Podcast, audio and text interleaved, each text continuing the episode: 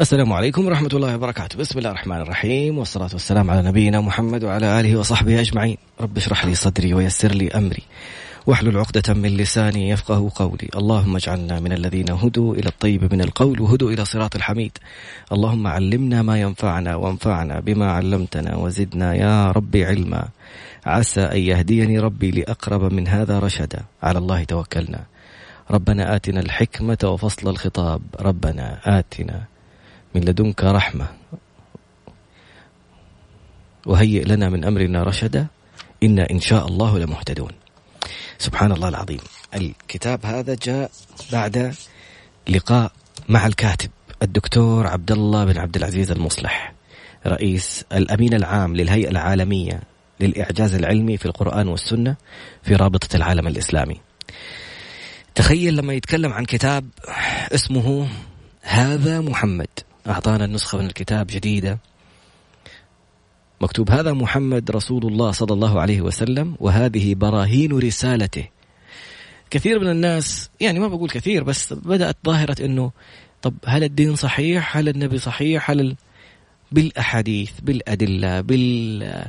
بالدلالات. مكتوب في ختام هذا الكتاب من الخلف الغلاف الخلفي. هذا الكتاب. يا أيها الإنسان في كل مكان هذا هو محمد رسول الله صلى الله عليه وسلم الذي أشرقت برسالته أنوار الإيمان. هذا هو محمد صلى الله عليه وسلم الذي أخرج الله به الإنسان من عبودية الإنسان والأوثان إلى عبودية الرحمن الرحيم. هذا هو محمد صلى الله عليه وسلم الذي صاغ الله به النفس السوية وأنار به العقول الزكية وصنع به مجتمع الفضيلة وولدت برسالته الإنسانية من جديد بعد أن تاهت في دروب الوثنية والجهالة والعسف والظلم وجور الإنسان على أخيه الإنسان. هذا هو محمد صلى الله عليه وسلم. دينه الحق عقيدة وعبادة وآدابا وأخلاقا وتنظيما لشؤون الحياة. منهجه محفوظ وحجته حية في انسجام جلي بين الآية المنظورة في الكون والإنسان وبين الآية المسطورة في القرآن. لقد آن الأوان لهذه البشرية التي تعالت فيها نداءات الباطل وتنوعت فيها أساليب الإغواء والإغراء وتاهت في دروب الضلال أن تلتمس نور الهداية من محمد صلى الله عليه وسلم. إخواني وأخواتي القراء يشرفني أن أقدم لكم هذا الكتاب الذي جعلت عنوانه هذا محمد رسول الله صلى الله عليه وسلم وهذه براهين رسالته. حيث حرصنا أن نسير وفق نهج القرآن الكريم. نتحدث إلى الناس بلسان زمانهم وهذا ما نعتبره من أهم مميزات هذا الكتاب حيث خصصنا آخر فصل من فصوله للإعجاز العلمي في القرآن والسنة. أوردنا فيه مئة حقيقة علمية لم تكتشف إلا في العصور الحديثة أشار إليها القرآن الكريم والسنة النبوية المطهرة. لتشهد في عصر العلم أن القرآن العظيم كلام الله المعجز الذي لا يأتيه الباطل من بين يديه ولا من خلفه تنزيل من رب العالمين. هذه الشواهد والدلائل العلمية المعاصرة ضمن موضوعات متنوعة تؤكد مجتمعة صدق الرسالة تنطق بأن الإسلام هو دين الحق وأن محمد رسول الله صلى الله عليه وسلم صادق فيما أخبر عن ربه. الله شوف المعلومة البسيطة اللي تحت. يباع بسعر مخفض لإعادة طباعته. ساهموا معنا في نشر هذا الخير. الهيئة العالمية للإعجاز العلمي في القرآن والسنة. إيش رأيك؟ ندخل مباشرة في الفقرة أو في الفصل الأخير اللي بيتكلم عنه في الإعجاز. أنا من اهتماماتي جدا في الفترة الحالية موضوع الإعجاز العلمي في الكتاب والسنة. لأنه كثير من الناس كان عندها تساؤلات. يقول لك طب إحنا اتولدنا مسلمين في ناس اتولدوا مسيحيين في ناس اتولدوا مجوس في ناس اتولدوا يهود. كل واحد بيتربى على ديانة. يعني في حديث كل مولود يولد على الفطرة فأبواه يهودانه أو ينصرانه أو يمجسانه. لما تكلم هذا الكلام مع شخص غير مسلم يقول لك أو يؤسلمانه. ما أنت صرت مسلم أنت موجود في, في عائلة مسلمة؟ فتيجي تفكر في موضوع كذا تبدأ تجيك تساؤلات. تخيل المثال اللي دائما نقوله. تخيل إنه أحدث إصدارات الهواتف الذكية. جاء وقالوا لك أفتح المسامير الداخلية حقت الجهاز وطالع في ال microchips المكونات الداخلية للجهاز. إذا شفت هذه يقول لك هنا كرت الذاكرة هنا كرت الصوت هنا كرت مدري مين هنا هنا هنا هذه الأشياء التركيبات الداخلية للجهاز. والجهاز جديد أحدث إصدار. فجأة لقيت كتيب يقول لك لو فتحت المسامير وفتحت ال microchips الداخلية حتلاقي هذه الرسمة هذه المكونات هذه سعتها كذا وهذه مساحتها كذا وهذه كذا وهذه كذا وهذه كذا. مين اللي كتب الكتيب هذا؟ أكيد المصنع اللي صنع الجهاز. لله المثل الأعلى. لما تجيك معلومات تكتشفها في داخل جسدك لو فتحوا حيلاقوا القلب كذا الجنين كذا الأمعاء المترمين في الكون لو فتحوا الكون تخيل لما بدأوا يستكشفوا الكون ويشوفوا درجات حرارة كواكب أشياء تفاصيل صغيرة يعني ما كان واحد ممكن ينتبه لها حتى. فسبحان الله كيف الواحد ممكن يطالع في الأشياء هذه ويلاقيها مكتوبة بتفاصيلها الدقيقة بأحجامها بالسنتيمتر بدرجة الحرارة بالارتفاع بالعلو بالفضاء بالشمس بالقمر بالدلائل الكونية والإنسانية والأرضية والبحرية ويلاقيها كلها موجودة بالتفصيل في أحاديث نبوية وآيات قرآنية أو بالأصح بالآيات القرآنية وأحاديث نبوية. لا شيء يعلو على كلام الله. فخلينا ندخل على الفهرس. نشوف الفهرس ماذا يقول فيه الدكتور عبد الله المصلح. الله يبارك له ويزيده وينفع به ويجعل المعلومات والعلم اللي يشارك فيه الناس حجة له لا عليه ويجعلها إن شاء الله كذا دليل للناس إلى الله. ويكتب له فيها محبة الله. الموضوع مقدمة الطبعة الثالثة القسم الأول تأملات في سيرة نبي الرحمة صلى الله عليه وسلم. الفصل الأول تأملات في سيرة نبي الرحمة. توطئة يعني زي المقدمة. المبحث الأول نظرة على حياته صلى الله عليه وسلم. المبحث الثاني جهاد الدعوة إلى سبيل الله سبحانه وتعالى. المبحث الثالث هجرة النبي صلى الله عليه وسلم إلى المدينة. وأبعاد التآخي بين المسلمين. بعدين الفصل الثاني نظرة على شخصيته هذيك النظرة الأولى على حياته نظرة على شخصيته صلى الله عليه وسلم. المبحث الأول صفاته. المبحث الثاني أخلاقه. الثالث توازن شخصية الرسول صلى الله عليه وسلم واعتدالها. الرابع مظاهر رحمته صلى الله عليه وسلم. الخامس غزوات الرسول صلى الله عليه وسلم وسراياه. والله ما شاء الله في مباحث متعددة. خلينا نقفز ناخذ الفصول أو الأقسام. القسم الثاني براهين الرسالة المحمدية وحججها هذا اللي هو الباب الثاني. البحر المسجور الصدوع بين صفائح القارات البرزخ والحاجز بين البحرين. الله كل الآيات الإعجازات العلمية في الكتاب والسنة. قبلة مسجد صنعاء نبوءة النبوية الجبال الرواسي الخشوع والتصدع في الجبال الطوفان العظيم السراب الحاجز المائي بين بحرين المياه الجوفية اهتزازات التربة وربو وربوها نزول الحديد كروية الأرض أوتاد الأرض الفلك وعلوم الفضاء حبك السماء والسماء ذات الحبك ظلمة الفضاء الضغط الجوي مراحل تكوين السحاب الانبساطي مراحل تكوين السحاب الطبقي تكون المطر إفساد البيئة. السقف المحفوظ الشمس سراج والقمر نور. السماء ذات الرجع الرياح أو أنواع الرياح تنفس الصبح تيارات الريح الجوية النفاثة. الحركة الذاتية للأجرام السماوية أنا أبغى أنط على الحركة الذاتية للأجرام السماوية. عشان في مواقع الآن جالسة تتكلم عن آه إيش يسموه؟ عن إنه حركة الكرة الأرضية. أنت عارف المسافة اللي تقطعها الكرة الأرضية؟ مسافة طويلة المدار حقها مسافة طويلة جدا. فكيف خلال سنة تلف اللفة هذه بالكامل؟ فسبحان الله. يعني سرعة الأرض وهي رايحة في المسار حقها يعني تخيل الآن أنت راكب سيارة. السيارة هذه ماشية 200 كيلومتر في الساعة. لكن داخل السيارة عارف العروسه اللعبة اللي كذا تلفلف حوالين نفسها؟ تن تن تن تن تن تن. هذه بتلف بشويش. حتى لو السيارة منطلقة بسرعة كبيرة العروسه هذه جالسة تلفلف بشويش. الكرة الأرضية وهي في مسارها منطلقة بسرعة كبيرة لكن داخل الغلاف الجوي هي جالسة تلف. اللفة البسيطة دي اللي إحنا بنشوفها الشروق والغروب ولفة الأرض حوالين نفسها. فخلينا نشوف في الفقرة القادمة بعد قليل الحركة الذاتية للأجرام السماوية. كيف جالسة تمشي الأرض في مسارها حول الشمس؟ وكيف الشمس نفسها جالسة تجري في مسارها لها مسار خاص وهي جارتنا كلنا معاها. كل الكواكب جالسة تلف حوالين الشمس والشمس نفسها لها مسار جالسة تلف فيه.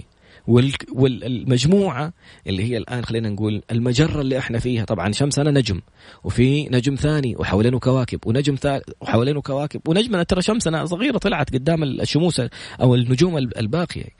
الشمس من كبرها تكفي لو فتحتها تدخل جواتها مليون وثلاثمية ألف كرة أرضية. بس هي بنفسها بكبرها هذا الكبير في نجوم لو فتحتها تدخل لك فيها نص مليون شمس. إيش الأحجام العجيبة هذه اللي إحنا تقف عاجز أمام قدرة الله وتشوف كيف لما طب هي بتلف في مسارها كمان وماشية معاها كل الكواكب. في نجوم ثانية بتلف وتمشي معها كيف الحركة الذاتية للأجرام السماوية. نقفز لهذا الباب لو تسمحوا لي. إذا إذا عجبك باب من الأبواب قل لي عشان نبدأ في الفقرة القادمة إن شاء الله بس بعد القادمة. القادمة 889 رقم الصفحة في كتاب هذا محمد صلى الله عليه وسلم بعد قليل إن شاء الله. عدنا في كتاب اليوم اسمه هذا محمد رسول الله صلى الله عليه وسلم وهذه براهين رسالته. الكتاب للدكتور عبد الله بن عبد العزيز المصلح. الدكتور الأمين العام للهيئة العالمية للإعجاز العلمي في القرآن والسنة التابعة لرابطة العالم الإسلامي. الباب يعني قفزنا للإعجاز العلمي في الكتاب والسنة في في هذا الباب يعني في هذا الكتاب في باب خاص بدلالات النبوة. يعني القرآن الذي نزل على محمد صلى الله عليه وسلم كلام الله والإثباتات كثيرة. وفي الكتاب أشياء جميلة جدا. خلينا نشوف الحركة الذاتية أو باب الحركة الذاتية للأجرام السماوية. اسمع قول الله. قال تعالى والنجوم مسخرات بأمره. وقال تعالى والشمس والقمر والنجوم مسخرات بأمره. وقال تعالى وسخر الشمس والقمر كل يجري لأجل مسمى. وقال تعالى وسخر الشمس والقمر كل يجري إلى أجل مسمى. واحدة لأجل واحدة إلى أجل مسمى. وقال تعالى كل في فلك يسبحون. فلك مسار. سبحان الله الأرض بتلف حوالين الشمس والكواكب الباقية تلف حوالين الشمس والشمس لها مسار تمشي فيه. وقال تعالى وكل في فلك يسبحون. في آية كل في فلك يسبحون. وفي آية وكل في فلك يسبحون. الحين تعال شوف الدلالات النصية تدل هذه الآيات الكريمة على نظام فلكي أجراه الله في هذا الكون. ولذلك فالنجوم مسيرات بتقديره وكما قال ابن كثير النجوم الثوابت والسيارات في أرجاء السماوات. كل منها يسير في فلكه الذي جعله الله تعالى فيه يسير بحركة مقدرة لا يزيد عليها ولا ينقص. الدلالة العلمية. وفق ظاهرة الدلالة التي لا تحتمل تاويلا فكل الأجرام السماوية تتحرك في أفلاكها حركة ذاتية مقدرة. كل له فلك يخصه ويقطعه في مدة محدودة مقد محددة مقدرة. بخلاف الوهم السائد إلى القرن السابع عشر أن النجوم ثوابت لا تتحرك بذاتها وإنما وإنما بحركة أفلاك شفافة قد ثبت أو ثبتت عليها وتدور حول الأرض المسطحة الثابتة. هذا المفهوم الخاطئ أن الأرض ثابتة والنجوم جالسة تلف حوالينا اعتمد التصور السائد قديما مبدأ مركزية الأرض وحركة الشمس حولها. إنه أول كانوا الناس يفكروا إن الأرض هي اللي ثابتة والشمس هي اللي جالسة تلف حوالينا. وفق الظ... وفق الظاهر هذا اللي بيشوفوه. وأن النجوم ثوابت على فلك شفاف كالزجاج لا يرى تدور بدورانه وأن الكواكب بالمثل لا حركة ذاتية لها وإنما تدور بدوران أفلاكها. ولكن القرآن قد عارض ذلك الوهم السائد وقدم مفاهيم جديدة بإعلانه أن الكون طرائق يعني كل واحد في طريق كذا ماشي وكل الأجرام تتحرك بذاتها وتجري في مداراتها. كل له فلك أو orbit مسمينه يخصه ويقطعه بسرعة محددة في فترة مقدرة. أدخل على حساب في انستغرام اسمه بوس P O S بعدين underscore والله نسيت الباقي. رائع. رائع. في واحدة من البوستات يوريك سرعة الأجرام السماوية في خارج الفضاء. خلينا نوقف وقفة هنا شوية أقول لك المعلومة هذه. الرحلة من بين جدة إلى نيويورك تقريبا 12 ساعة. عشان في هواء والطيارة تطلع في عكس اتجاه الهواء عشان وفي مقاومة إذا كانت مع اتجاه الهواء حتوصل أسرع إذا كانت عكس اتجاه الهواء توصل أقل. بينما الأقمار الصناعية خارج الغلاف الجوي عشان ما في رياح مقاومة تلف الكرة الأرضية كاملة. في, خل... في اليوم الواحد يمكن 12 مرة ولا ما أتذكر بس رقم كبير. طب إيش معنى إحنا نوصل لأمريكا في في 12 ساعة؟ وهذه تلف الكرة الأرضية كاملة أربع مرات مدري خمس مرات ولا عشر مرات ولا المهم يعني يشوفوا يمكن 12 شروق وغروب يعني رقم كبير. لأنه ما في مقاومة رياح خارج الغلاف الجوي. فالأجسام خارج الغلاف الجوي تنطلق بسرعة 900 كيلو متر في الساعة. والدليل الآخر شوف المسافة الكبيرة بيننا وبين كوكب الزهرة. لكن أرسلوا آه، مسبار أمريكي إلى كوكب الزهرة وجالس يصورنا من هناك. فالمسبار وصل. يعني إحنا المسافة هذه لو إنها فيها غلاف جوي فيها هواء ومقاومة كانت تلاقيهم إلى دحين مسافرين. بس وصل بسرعة وصار يلتقط صور ويرسل صور لمركز الفضاء في ناسا يرسل صور للكرة الأرضية. الكوكب الزهرة كبير. لكن إحنا نشوفه نقطة مضيئة. لما راح المسبار على كوكب الزهرة صار يصور الأرض بيشوفوا الأرض من هناك نقطة مضيئة. إحنا كمان مضيئين زيهم. يعني بالنسبة لهم إحنا كأننا نجوم وفي كواكب ونجوم. شفت قبل فترة في شيئين يلمعوا كذا جنب القمر لمعة عجيبة. هذا يقول لك كوكب مدري مين وكوكب أتوقع المشتري والزهرة ولا ما أتذكر مين الكواكب. بس الفكرة إنه ليهم هذه اللمعة. إحنا اللي هنا نفس اللمعة. متخيل إحنا إيش إيش بننشاف من برا؟ فلك أن تتخيل إنه الكرة الأرضية بكبرها الآن بغلافها هذا كيف طايرة في في الفضاء في مسار لها وإيش السرعة حقتها؟ شوف البوست حق السرعات اللي موجود في في حساب بوس ونرجع نتابع مرة ثانية. في لسه قدامنا كمان كم؟ قدامنا 10 دقائق على الإعلان. فنرجع نتابع الكتابات. في صورة جميلة راسم لك وثيقة قديمة تبين التصور السائد من مركزية الأرض المسطحة يحيط بها بحر وتدور حولها الشمس والقمر والبروج المشكلة بهيئة حيتان وحيوانات وعمالقة. هذا تصور الغرب. كيف كان؟ شوف الصورة إذا تتابعنا على الإنستغرام أدخل على الإنستغرام Trad underscore B T R A D underscore B شوف حاطين الأرض في النص. وكأنه النجوم والكواكب والأشياء كلها هي اللي جالسة تلف حوالين الأرض. لكن الحقيقة غير ذلك كما قال الله عز وجل ويتابع الدكتور عبد الله المصلح المصلح.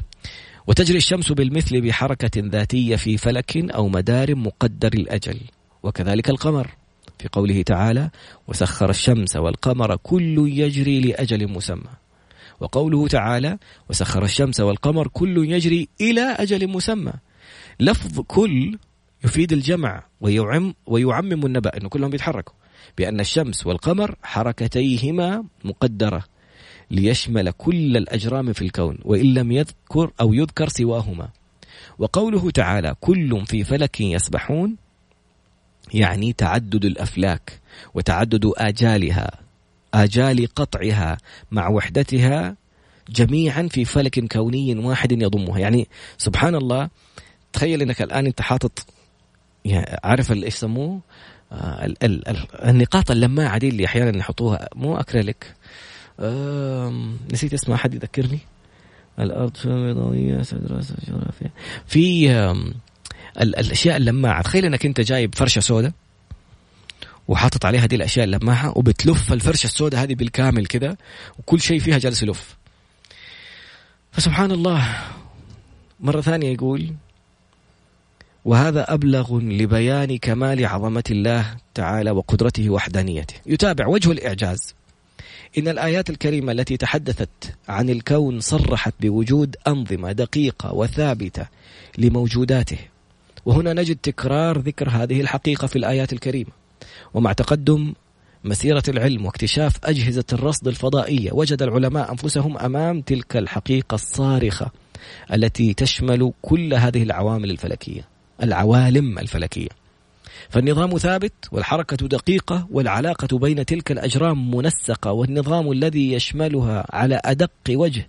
وهذا التطابق بين دلائل النصوص ما انتهى إليه العلم في هذا الميدان. يؤكد أن المتحكم هو خالق الكون أن المبلغ هو رسول كريم لا ينطق عن الهوى إن هو إلا وحي يوحى. صورة جميلة جميلة جميلة للشمس. شوف. سبحان الله العظيم. هذه ما أبغى أدخل في أحد مدار الشمس. خلينا نشوف الفقرة القادمة مدار الشمس لأنه في أحد الأشخاص العلماء الباحثين قال الشمس جهنم. وعنده دلالات. أنا أول ما قلت لا يا جماعة قلت له لا شفتوا لنا جهنم وهي الشمس وما أدري مين. بس خلينا نقرأ إيش الباب هذا اللي يتكلم عنه الشيخ عبد الله المصلح. خليني أقرأ لك بعض أو أقول لك معلومات عن الباحث اللي قال إنه الشمس هي جهنم. وإيش الإثباتات؟ وإيش الشيء اللي ممكن يكون لو حسبناه وطلعت الحسبة نفسها حيكون تأكيد أن الشمس هي جهنم. بعد قليل استمع واستمتع. والله كذا مجرد ما تتعرف على عظمة الكون وعظمة المخلوقات اللي تدلك على عظمة الخالق. إذا إذا الشمس أكبر من الأرض بمليون وثلاثمائة ألف مرة والشمس في نجوم ثانية أكبر منها بمراحل كبيرة جدا تخلي الشمس بالنسبة لها نقطة. أنت م... أنا وأنت وأنت. إحنا مين؟ في هذا الملكوت. ذرات. يا رجل مقارنة الأرض بأحد النجوم الكبيرة يقول الكرة الأرضية مو أنا ولا أنت. كأنك لما تفتح الشباك أحيانا ويكون في ضوء قوي وتشوف ذرات الهبابة هذه الذرات الطائرة.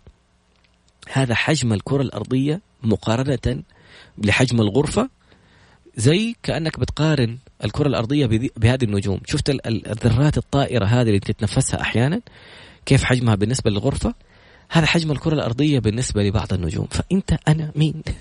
عشان تطالع ولا ولا تعصي ولا ولا تتأخر عن صلاة لما يناديك ولا ولا يعني يا رب. الفقرة القادمة نتعرف على الشمس أكثر. ونشوف الدلالات بعد قليل إن شاء الله. اسم الكتاب اليوم؟ هذا محمد رسول الله صلى الله عليه وسلم للدكتور عبد الله المصلح عدنا مرة أخرى إلى الكتاب المتعة. كتاب جميل كتاب ممتع مبدع رائع من روعة كاتبه الدكتور عبد الله بن عبد العزيز المصلح الأمين العام للهيئة العالمية للإعجاز العلمي في القرآن والسنة في رابطة العالم الإسلامي. الكتاب عنوانه هذا محمد رسول الله صلى الله عليه وسلم وهذه براهين رسالته. ماذا يقول الدكتور عبد الله المصلح في الفصل الثاني؟ شواهد علمية معاصرة على صدق الرسالة. مدار الشمس. تكلمنا أنه الشمس تجري لمستقر لها أسمع الآيات. بسم الله الرحمن الرحيم. أعوذ بالله من الشيطان الرجيم. وآية لهم الليل نسلخ منه النهار فإذا هم مظلمون. والشمس تجري لمستقر لها ذلك تقدير العزيز العليم. والقمر قدرناه منازل حتى عاد كالعرجون القديم. للشمس ينبغي لها أن تدرك القمر ولا الليل سابق النهار وكل في فلك يسبحون. إيش الدلالات النصية؟ قوله سبحانه وتعالى تجري والشمس تجري لمستقر لها. الجري حقيقة السير السريع وهو لذوات الأرجل وأطلق مجازا على تنقل الجسم من مكان إلى مكان تنقلا سريعا بالنسبة لتنقل أمثال ذلك الجسم.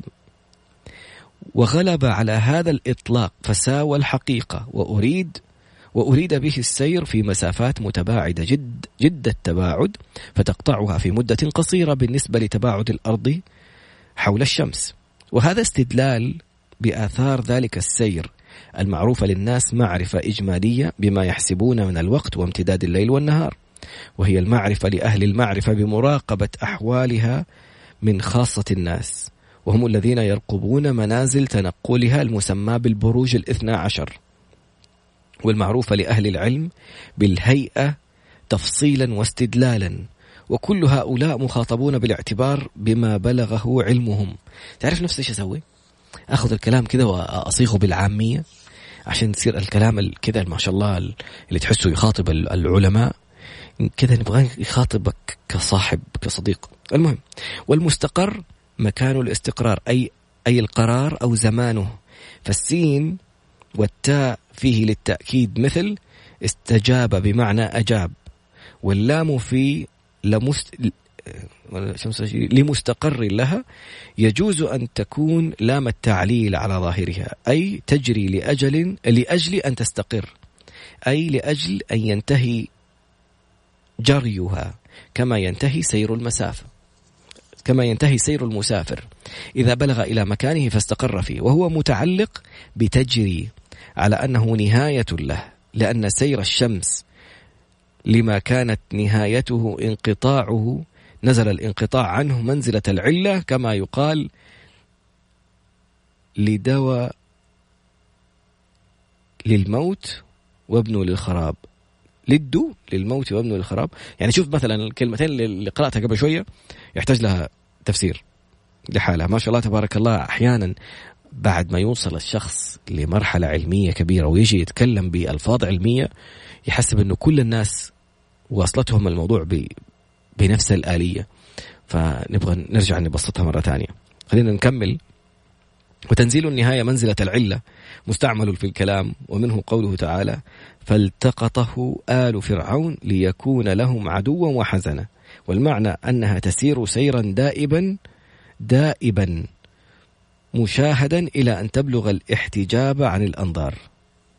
ويجوز أن تكون اللام بمعنى إلى. طب استنى خليني أنا أخرج من هذه النقطة.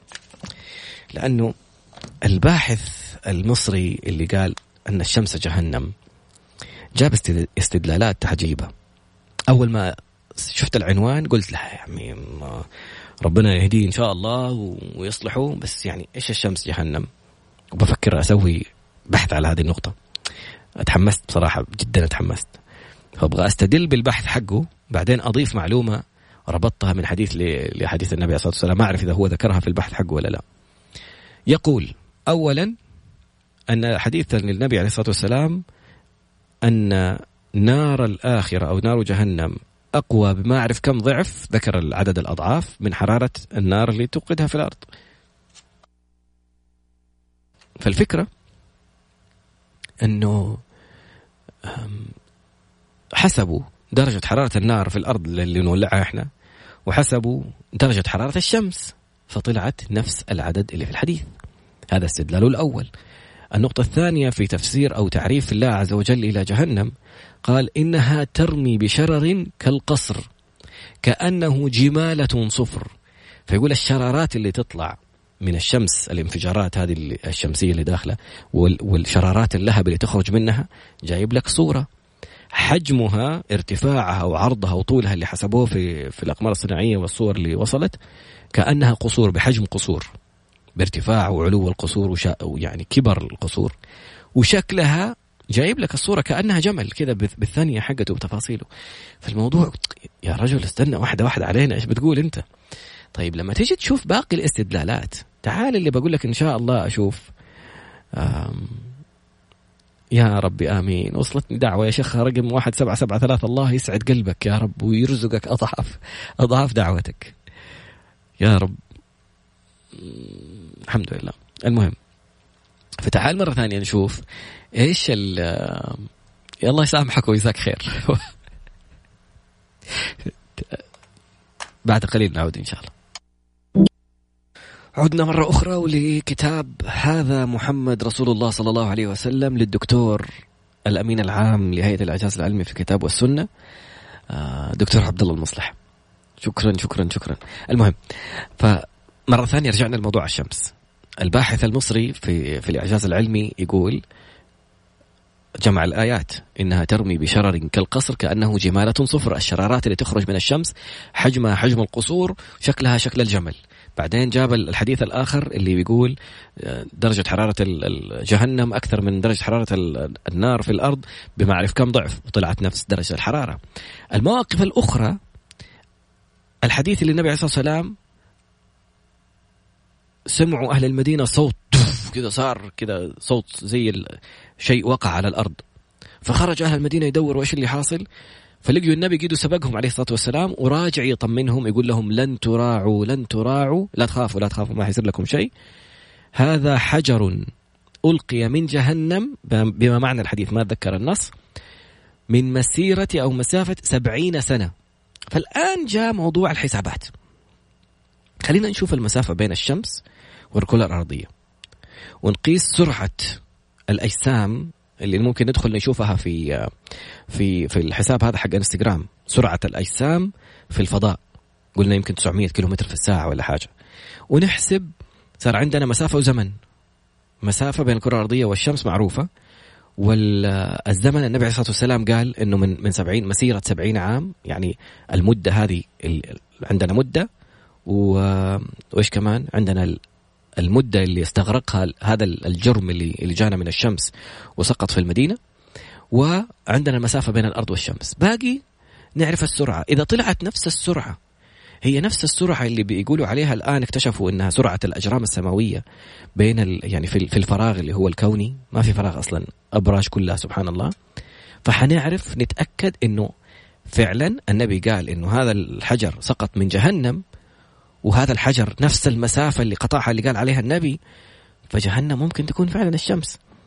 طب كيف حتدنو الشمس من رؤوس الخلائق؟ إذا حرارتها الآن إحنا ما نقدر نخرج في الشارع. إيش ممكن يصير؟ في آيتين ثانية. وموجودة في سورة الرحمن. الآية الأولى يا معشر الجن والإنس إن استطعتم أن تنفذوا من أقطار السماوات والأرض فانفذوا لا تنفذون إلا بسلطان. فبأي آلاء ربكما تكذبان؟ يرسل عليكما شواظ من نار ونحاس فلا تنتصران. هذا الموضوع في بعض المفسرين بيقولوا إنه أصلا في صورة برضو أدخل عليها في نفس الحساب حق إنستغرام عشان لا تقول إنه والله بيألف ولا شيء. وفي كمان تغريدة أنا حطيتها في المفضلة عندي إن شاء الله ألاقي لك إياها وأجلس أعمل لها ريتويت مرة ثانية. أعطيك معلومتين. المعلومة الأولى المسبار اللي أرسلوه إلى المشتري مدري الزهرة اللي بعدنا هذا وجالس يصور لنا الكرة الأرضية. مصورين فيديو. يوريك زي المذنب ملتهب. الله أعلم يكون هو شواظ من نار ونحاس. مذنب ملتهب ماشي يقطع مسار الأرض. يعني الأرض لها مسار زي الشارع كأنك في دوار. الكرة الأرضية جالسة تمشي في هذا المسار وحتمشي حتمر على هذا على المضمار حقها كأنها في مضمار. فيجيب جايب لك إنه سبحان الله في مذنب كبير تشوفه بعينك في الفيديو جاي يقطع مسافة الأرض وجاي بسرعة كبيرة جدا. لأنه قلنا السرعة فوق 900 كم في الساعة يعني ما تلحق تقول يا جماعة ترى في شيء جاي. أوكي؟ فهذه السرعة الكبيرة جاء بعدها خبر إنه مذنب لو اصطدم اصطدم في الأرض. هو جاء قبل ما توصل الأرض يعني الأرض الآن جالسة كأنها سيارة وماشية في مضمار. جاء واحد قطع الشارع اللي الأرض ماشية فيه. فهذه القطعة لو صدم هذا المذنب في الكرة الأرضية يقول لك قوته أكثر من 45 قنبلة نووية مجتمعة. فهنا اللي ممكن تصير فيها تغير مسار حركة الأرض. تبدأ بدل ما هي تلف حوالين نفسها بشكل اللي هو بيسوي شروق الغروب تلف حوالين نفسها بشكل آخر. تبدأ تصير غروب شروق. تشرق الشمس من مغربها لأنه حتضرب لك طرف تلفها. طيب قبل ما نوصل ندخل في التفاصيل إيش اللي حيصير بعدها؟ كمان حيصير شيء زي اللي الآن. اكتشفوه واخذوا عليه جائزة نوبل. إيش هو الشيء اللي اكتشفوه؟ إنهم جالسين يطالعوا شافوا كواكب ونجوم بتتحرك حركة غريبة. يعني عادة النجوم لها مسارات زي ما قلنا في الفقرات الماضية. كل في فلك يسبحون كل واحد ماشي في فلكه. كل نجم زي الشمس حقتنا من قوة الجاذبية حقتها جالسة تلفلف حوالينها كواكب. نجم كواكب نجم كواكب. فلقيوا فجأة في حركة كواكب صارت بتلفلف كذا يعني ما ما صارت ال ما صارت ماشية في المسار المنتظم حقها. جالسه كذا تمور مورا تتحرك حركة غريبة. وبرضه حطيت لها أنا حاطها في المفضلة عندي على إنه كيف اكتشفوا الثقب الأسود اللي بيتكلموا عنه. فبيقولوا إنه إيش اللي خلى الكواكب تمور مورا؟ كانت هذه الكواكب تمشي في مسارات حول نجم من النجوم زي الشمس حقتنا وإحنا الكرة الأرضية وباقي الكواكب بنمشي حولها. فإيش اللي حصل؟ النجم هذا اصطدم فيه نجم آخر. صدموا نجمين في بعض.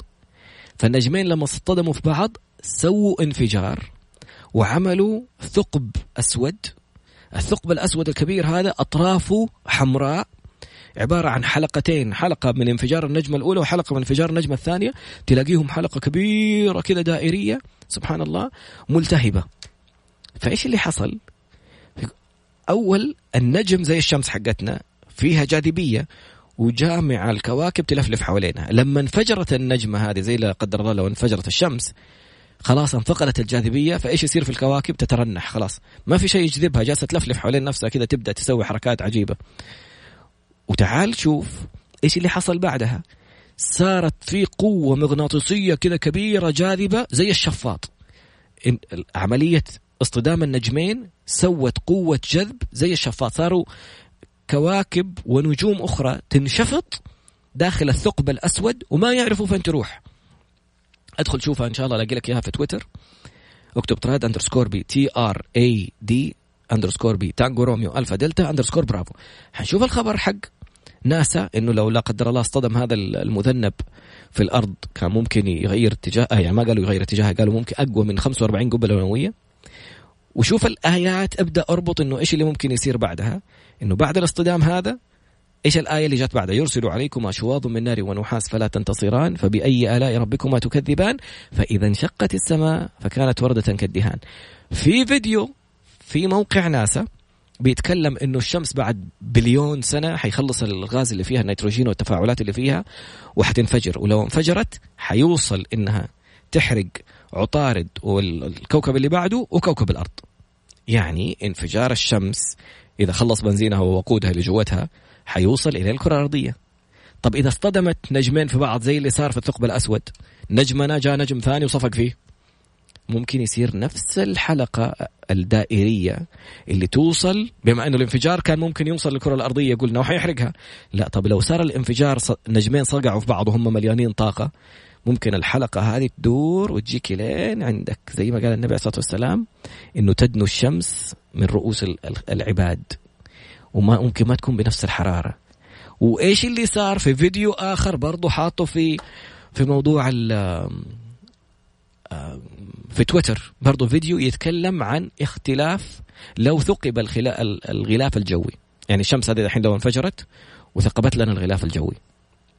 يعني حيصير اختلاف في في كمية الغازات اللي موجودة في الغلاف الجوي. الآن بيقول لك نسبة الأكسجين بس لو اختلفت. إيش حيصير؟ أولا حيحصل إنه الأكسجين وتركيبات الغاز اللي موجودة هي اللي بتحمينا بعد الله من الاشعه فوق البنفسجية. فاللي حيحصل إننا ما حيصير لنا الحاجز هذا فاللي يصير إنه حتسود وجوه الناس. في فيديو بيتكلم عن ده الموضوع ما بقالوا علامات القيامة بيقول لك حتسود وجوه الناس ينحرق. وحيصير إنه الأكسجين هذا هو سبب تماسك الحجار والمواد الإسمنتية. فلو خلص الأكسجين يعني الآن كيف تصير القنبلة؟ إيش يحصل لما يصير انفجار بقنبله يعني تخيل لما حد يمسك قنبلة ويرميها في مكان ليش يتكسر الجدران؟ لأنك أنت بتفرغ المكان من الأكسجين. على طول الأشياء تنهد. فقال لك الأكسجين كل الواجهات الإسمنتية والمباني والحجارة هذه كلها ذراتها متماسكة بالأكسجين. فلو صار إنه الغلاف الجوي راح واختلفت نسبة الأكسجين حتشوف الحجارة والمباني هذه كلها تنهد. وهذه المعلومات الساحة نفسها اللي بيقولوا عليها. وإيش كمان؟ واحد يقول هذه صفاء تقول بس الشمس موجودة إلى يوم القيامة. في الآيات إذا الشمس كورت وإذا النجوم انكدرت يعني حيختفي نورها. ممكن هذا الاختفاء اللي بنقول عليه. وفي لو تشوف الآيات وترتيبها والنجم إذا هوى هل ممكن فعلا إنه يصير غياب الشمس؟ هو عبارة عن اصطدام النجمين زي اللي صار قدامنا. ربنا جالس يورينا في الثقب الأسود كيف صارت الكواكب اللي كانت تمشي حوالين هذا النجم تحركت آه، بحركة غريبة. وفي الآيات إنه الأرض ستمور مورا ما اتذكر الآية نصها أو نصها. حتبدأ الأرض تتحرك حركة عجيبة خلاص تفقد دورانها حول الشمس راحت الشمس. وإيش اللي يحصل كمان بعدها؟ العلامات اللي قالوا عليها على نقص الأكسجين. الوجوه تسود المباني تنهد القشرة الأرضية تتفكك وتتكسر ويصير زلزال كبير. إذا زلزلت الأرض زلزالها وأخرجت الأرض أثقالها. تعال أجمع المعلومات مع بعض. كأنك جالس تشوف يوم القيامة. إيش قلنا في الآية؟ يرسل عليكم أشواظ من نار ونحاس فلا تنتصران فبأي آلاء ربكما تكذبان؟ فإذا انشقت السماء فكانت وردة كالدهان. هذا التسلسل جالس حق الأحداث اللي يصير. فإذا انشقت السماء فكانت وردة كالدهان فبأي آلاء ربكما تكذبان؟ فيومئذ لا يسأل عن ذنبه إنس ولا جان. فبأي آلاء ربكما تكذبان؟ ليش ما حيسألوا الناس عن عن ذنوبهم؟ لأنه معروفين بسيماهم. يعرف المجرمون بسيماهم فيؤخذ بالنواصي والأقدام. خلاص معروف. أمة محمد حتكون متوضئة متوضئين يعني محجلين. شفت الخيل اللي يكون فيه كذا لمسة بياض على جبينه. كذا إحنا إن شاء الله نكون من الوضوء. فيعرف المجرمون بسيماهم فيؤخذ بالنواصي والأقدام فبأي آلاء ربكما تكذبان؟ هذه جهنم. اللي كنت ما أنت مؤمن فيها. وكمان الباحث المصري جاب آية ثانية بيستدل على الموضوع ذا. إنه كيف الشمس حتجينا أو جهنم حتجينا إلين إلين عندك تخترق الغلاف الجوي وتكون قريبة وتشوفها قدامك وتدنو من رأس العباد مثل ما قال النبي عليه الصلاة والسلام. قال في آية ثانية آه في سورة إيش؟ يا ربي. آه كلا لو تعلمون علم اليقين لترون الجحيم ثم لترونها عين اليقين ثم لتسألن يومئذ عن النعيم. الله يسعد قلبه أبو عمر. هذا إنسان رائع وداعية جميل جدا الجيلاني. علمني. يقول إيش الفرق بين علم اليقين وعين اليقين وحق اليقين؟ الفقرة القادمة بعد قليل. لا تفوتك لا تفوتك ممتعة. ولما تيجي تشوف الباحث المصري كيف جمعها هذه المعلومة حقت علم اليقين وعين اليقين وحق اليقين وتجي تشوفها على استدلاله انه جهنم هي الشمس توقف كذا تقول يا رب اجعلها على توبه وشهادة يا رب أنا ما أعرف متى حتصير لا تأتيهم إلا بغتة. يعني في في آية سورة ياسين كمان ويقولون متى هذا الوعد وإن كنتم صادقين؟ ما ينظرون إلا صيحة واحدة تأخذهم وهم يخصمون فلا يستطيعون توصية ولا إلى أهلهم يرجعون. ما تلحق تقول لأهلك إيش صاير عبال ما يوصلك الخبر من سرعة الجرم اللي جاي على الكرة الأرضية عبال ما يوصلك الخبر ما تلحق تقول لأهلك انتبهوا في حاجة في خبر في ما فيش خبر. دب صارت خلص هذا ممكن يصير الانفجار ورا بعض. علامات الساعة حتكون متتالية إذا. بس أقول لك أطمن لأن الحين الناس يقولوا قامت الساعة وقامت مدري مين. لا لسه يقول النبي عليه الصلاة والسلام لن تقوم الساعة حتى تعود جزيرة العرب بمعنى الحديث مروجا وانهارا. وهذا اللي اكتشفوه بالاقمار الصناعية لناسا تحت الربع الخالي في أنهار مطمورة. لقيوها بصور حرارية. إعجاز إعجاز إعجاز في كل الأحاديث وفي كل الآيات. افي الله شك؟ بالله لسه عندك شك في هذا الموضوع كله. تعال نتعرف على عين اليقين وعلم آه علم اليقين وعين اليقين وحق اليقين في الفقرة القادمة إن شاء الله. عدنا مرة أخرى وآخر فقرات كتاب هذا محمد رسول الله صلى الله عليه وسلم. بس خرجنا من موضوع الكتاب وجالسين نستشهد في بحث لأحد الباحثين المصريين اللي بيقول أنه ممكن تكون جهنم هي الشمس. وصلنا في قلنا معلومات كثير فيها. إنها ترمي بشرر كالقصر كأنه جمالة صفر. الشرارات اللي تخرج كأنها بحجم القصور وشكلها على شكل على شكل رسمة الجمال. الحديث حق حرارة الشمس مقارنة بحرارة الأرض. طلع نفس درجة حرارة الأرض نفس درجة حرارة الشمس هي زي جهنم لأنه في حديث للنبي يقارن بين حرارة الشمس وحرارة آه حرارة جهنم وحرارة النار العادية. النقطة الثالثة اللي استشهد فيها الباحث المصري مستشهد يعني ما تستشهد يقول هذه الشهادة أو دلالة.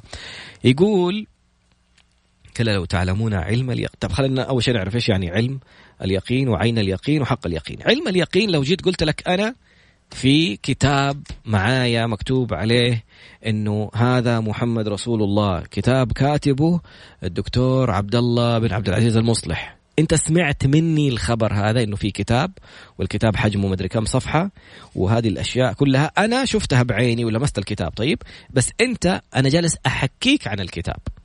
طيب هذا يسموه علم اليقين. في شخص شاف و... و... ولمس وحس والأشياء هذه كلها وجاي يحكيك فأنت الآن عندك علم اليقين. طب قلت لي لا يا طراد وريني الكتاب. أقول لك أهو تفضل. تبغى تشوفه على الإنستغرام أدخل أكتب Trad underscore B مثلا في الإنستغرام أو تعال المكتب مدري مين أو روح اشتريه من ما أعرف من فين. إعجاز dot org E A J az.org وفي رقم واتساب كمان. خذ رقم الواتساب إذا تبغى الكتاب. صفر خمسة ستة ستة اثنين اثنين ثلاثة أربعة ستة أربعة. وبالمفتاح حق السعودية اللي يبغاه يعني من خارج المملكة تسعة ستة ستة خمسة ستة ستة اثنين اثنين ثلاثة أربعة ستة أربعة. اثنين اثنين ثلاثة أربعة ستة أربعة. المهم فصار عندك الآن عين اليقين. شايفه بعينك. أهو أهو كتاب جميل ومزخرف وكذا. طيب حق اليقين لما تلمسه بنفسك كذا تقلب صفحاته انت مو بس شفته لمست الكتاب وتأكدت من وجوده وتأكدت من كل شيء. ففي الآيات كلا لو تعلمون علم اليقين لترون الجحيم. لم حتشو حتشوفوا لا ترون يعني قدام مع العلم حتشوفوا الجحيم حتشوف الشمس إن هي هذه النار المتلظية. ما هي والله مجرد الضوء ده اللي جالسين تشوفوه تنتفعوا بحرارتها وكذا. لترون الجحيم. ثم لترونها عين اليقين. إنه بعد الانفجار حتجي وحتشوفوها بعينكم قدامكم. مو بس يعني ما حيكون علم إنه والله تعرفوها كمعلومة حتشوفوها بعينكم. ممكن الشوفة تكون فعليا الآن اللي جالسين نشوفه بال... بالأقمار الصناعية والصور الكبيرة اللي بتوضح. ممكن إنه لما يجي تنفجر وتصير لين قرب رؤوس العباد. ثم لا تسألن يومئذ عن النعيم. هنا أو ممكن كمان ال ال ال بعد الانفجار كيف تمور الأرض مورة كيف حيصير؟ بعد فترة ممكن تنشفط في الثقب الأسود زي ما قلنا الثقب الأسود الكبير اللي صار بعد الانفجار بيصير في جاذبية. يوم تبدل الأرض غير الأرض والسماوات وبرزوا لله الواحد القهار. فين حنروح بعدين؟ كيف الانتقال؟ إيش الأحجام؟ إيش الأشياء؟ إيش التغيرات اللي بتصير؟ بالله هيك إيه ما أعرف. يعني أبغى أدخل في في باب آخر بس باقي لنا ثلاث دقائق أربع دقائق. خلينا ناخذ فيها. ناخذ فيها رأيك. أرسل لنا على الواتساب في آخر الدقائق ثلاث دقائق ونصف صفر خمسة أربعة ثمانية وثمانين أحد عشر سبعمية. صفر خمسة أربعة ثمانية وثمانين أحد عشر سبعمية. أم الجارة الجارة أهلا وسهلا. ويسعد قلبك يا رب؟ يقولوا يسعدك يا على هذه الحلقة؟ قاعد قاعد تراد يعطي تصور لكيف تكون مذيع محترف. يا حبيب قلبي الله يسعدك. آمين. اللهم صل وسلم على نبينا محمد. ما جاوبت على السؤال يا صفاء إيش السؤال الثاني بالله اسالينا إنه الأرض إذا كانت الأرض بتلف و وكيف بنصلي على القبلة. طب تخيلي الآن إنه انت جالسة في السيارة راكبة ورا ووجهك على المقعد الأمامي اللي قدامك والسيارة بتتحرك حوالين دوار الفلك أو دوار التاريخ أو أي دوار في المكان. هل يمنع حركة الأرض إنها جالسة تلف؟ ولا حركة خلينا نقول السيارة طلعوها على منصة دائرية وجالسة تلف حوالين نفسها في المنصة الدائرية. ما أنت جالسة في مكانك والكرسي قدامك خلينا نقول الكرسي هو الكعبة. هي بتسأل تقول لو الأرض تلف حوالين نفسها كيف إحنا جالسين نصلي على الكعبة؟ طب أنت أنت تجاهك واحد. يعني الكرة نفسها بتلف. بس. نظرتك للكعبة ما غير مكانها. بتلف حوالين نفسها. زي الكرة امسك الكرة بيدك ولف فيها كذا حتلاقي نفس النقاط. يعني لو وجهك على على جهة. على جهة مكة حيفضل وجهك على جهة مكة. خليها تلف. إيش. إيش اللي يتعارض بين إنها بتلف حوالين نفسها وبين إنك أنت متجهة على القبله ما في أي تعارض. خلي السيارة اللي أنت راكبة فيها في معرض السيارات وحاطينها على منصة دائرية. لكن أنت في خلال هذه الجلسة جالسة ورا ووجهك على الكرسي الأمامي. هل حيتغير وجهك؟ ما أنت هنا القبلة محطوطة لك على الكرسي اللي قدامك. القبلة موجودة في نفس الأرض اللي بتلف. سواء كان وجهك عليها من هنا وجهك عليها من الناحيه الثانية خليها تلف بكيفها ما ما يتعارض الموضوع. مين باقي؟ كملوا بكره حلقة مشوقة. بكرة إن شاء الله إن ردت علينا الباحثة خاشوقجي حنشوف بحثها في آه، موضوع آه، الثوم في مركز الأبحاث الإيطالي اللي اكتشفوا إنه الثوم يعالج كثير من الأمراض ومنها سرطانات الأنسجة. الثوم لما يبلع عشان تخرج المادة الغازية مو تاكله ما تعضه. لو خرجت الرائحة حقت الثوم يعني خرجت المادة الغازية النفاذة راح الفائده إن شاء الله بكرة ترد علينا وناخذها على الهواء. مين الزول يقول السلام عليكم ورحمة الله. اليوم ذكرتني في الدكتور مصطفى محمود في برنامج العلم والإيمان أخوك أبو ساجد. الله يسعد قلبك أبو ساجد. يا رب كذا نوصل لجزء من علم هذا الرجل الرائع. أخونا خالد أنا أحبك الله الذي أحببتنا فيه. شكرا خالد. أيوه لا هذه قهوة. طيب مين باقي كمان؟ الله يسعد قلبك هذا اللي رقمه 6550 مين؟ الله يحبب الناس في الدين مثل حب الله يسعد قلبك. ما أبغى أكمل عشان هذا اللي خلاني ادير وجهي وخرجت برا الفقرة. آه طراد باسنبل أنا ماجد عبد الله من اليمن. كل ما أريده أني ألتقي يا حبيب قلبي أنا لا أتشرف. بس أرسل لي رسالة نصية رقمي في تويتر موجود في إنستغرام. أرسل خلصنا؟ 59 حاضر. خلاص. خلصنا. بس رسالة نصية أرسل لي على الجوال. أنا الفترة هذه مشغول شوية في موضوع مع الدكتور عبد الله المصلح إن شاء الله بنسوي برنامج نلحق نبثه في رمضان. ادعوا لنا لا تنسونا من دعاكم. انتهت الحلقة. جات آه، رندا. سبحانك اللهم وبحمدك أشهد أن لا إله إلا أنت أستغفرك وأتوب إليك. في أمان الله. نشوفك بكرة.